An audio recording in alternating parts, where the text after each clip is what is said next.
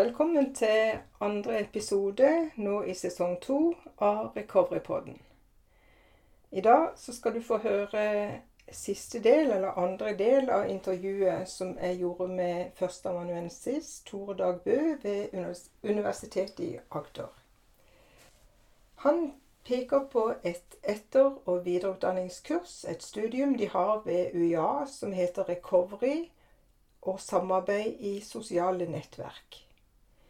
Det studiet det ble til på oppfordring eller ønske fra Kristiansand kommune om å ha mer brukning direkte inn i utviklinga av tjenestene. Så på de eh, kursene der så går brukere og fagfolk sammen for å lære en ny tilnærming. Så lytt til Tore Dag Bø og når han snakker om eh, åpne samtaler i nettverk, og også at det er mulig å få til utvida nettverksmøter.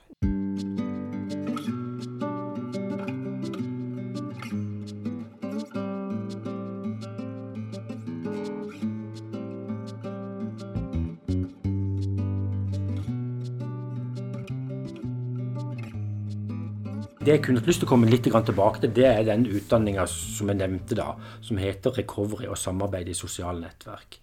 Så fra min side, det at vi har fått til en arena der altså Bare det, den ideen om at vi skulle ha den utdanninga, den kom vel faktisk fra Kristiansand kommune, som ville satse på recovery. Og så grep vi den ballen fra UiA. Men det vi gjorde da, det var å få med noen representanter da fra ROM, fra brukerorganisasjonen. Vi fikk med representanter fra kommunen, fra sykehuset, for å skape den utdanninga sammen. Og det var en utdanning som var egentlig tilpassa det initiativet som kom fra Kristiansand kommune. Og så har òg den utdanninga som vi har hatt, og vi, vi, vi har et nytt kull som kommer nå til høsten, blitt et møtested da, ikke sant? for folk med brukererfaring, eh, som jo både er med som studenter og som også underviser. da. Uh, og det er en møteplass da for oss da, som jobber fra, fra, UiA. Og vi lærer jo veldig mye av møtet. Nå skal jeg jo ikke si det, for, det, for det, det jo, vi skal jo selvfølgelig lære de, men det er, det er, en møteplass som jeg har veldig sansen for.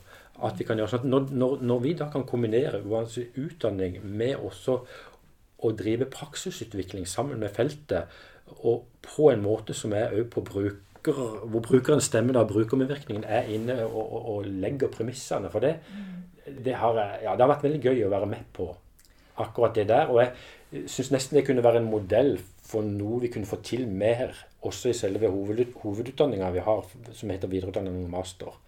At det kunne være mer, enda mer en fellesarena for, uh, for aktørene på psykisk helsefeltet uh, her på Agder. Det når brukere og fagfolk går, går sammen i en utdannelse, og du sier det blir en møteplass Merker du at det er, mye, det er mye nærmere? Altså erfaringa er ikke så ulik brukere og den som er fagperson. Altså at det blir mm. mer åpenhet også med at uh, mange fagpersoner har jo også brukererfaring. Mm. Mm. Men det har ikke til nå vært gjort så veldig mye ut av. Mm. Altså, det er jo en ressurs i seg sjøl, og så har det vært ja. litt sånn at det ikke snakker mm. om den type erfaring. Ja. Ja. Så blir det til at du må velge enten-eller. Ja. Men er det et felt som en kunne ha belyst mer? Det, det, det, som jeg assosierer med, for det, det, er noe som jeg har hatt veldig sansen for, men det var ei, altså ei som heter Annelise Holmesland. Hun uh, har forska på åpne samtaler i nettverk, sånn som de blir gjennomført i, i Pagder. Og det hun kalte det og Det er et begrep henta fra dette med tverrfaglig samarbeid. Hun kalte det når, når det virkelig hva skal si, svinger da, av et nettverksmøte, så er det profesjonsoverskridende, som hun kalte, kalte det.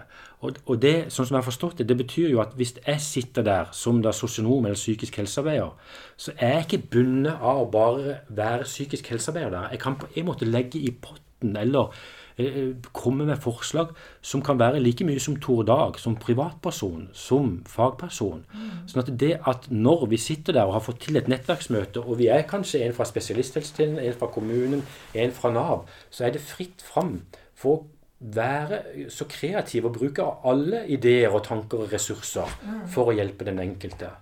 Og Det synes jeg er en veldig fin vinkling. og Da sier hun at da er ikke det å være uprofesjonell.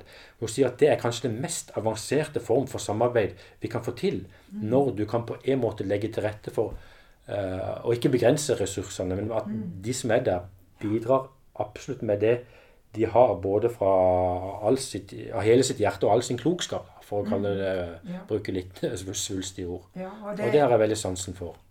Det er også at du får inn det personlige aspektet. Jeg tenker at det har mye med at ikke bare kunnskap, men at det en, da hersker en visdom, eller at du tar inn en mm. visdom mm. som er mm. kreativ. Mm.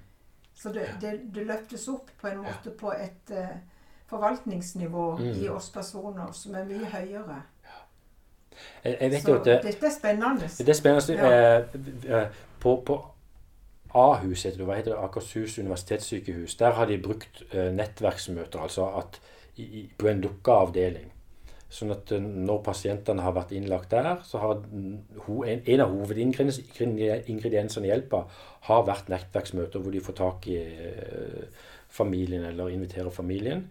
Men der har også Eh, hva skal si, psykologene og psykiatrene som jobber på avdelingen, fått være med på nettverksmøtene. Eh, og da har de fått lov å på en måte la hva skal si, behandler, altså funksjon, altså Alle de formelle tingene de skal gjøre, har psykiatrene og psykologene fått lov å gjøre i, i noen andre møter.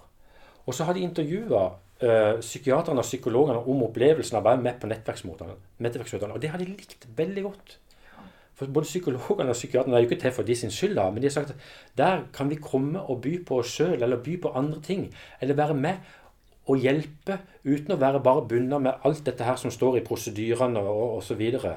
sånn at det syns jeg de har fått fram da, at det er jo også det de profesjonelle sier der, at i de nettverksmøtene så har vi kunnet på en måte senke litt skuldrene, eller på en måte frigjøre oss til å bruke oss sjøl og kanskje være ressurser på en helt annen måte. Det har vært befriende, da, også mm. for, uh, for fagpersoner. Så det syns jeg er spennende ja. i forhold til det du spør om. Og jeg tenker dette er en fin avslutning mm. også. Ønske mm. framover. Altså dette med mm. å kunne se at det er faktisk mulig. Noen har prøvd det ut, mm. og så ser at dette er mulig. Mm.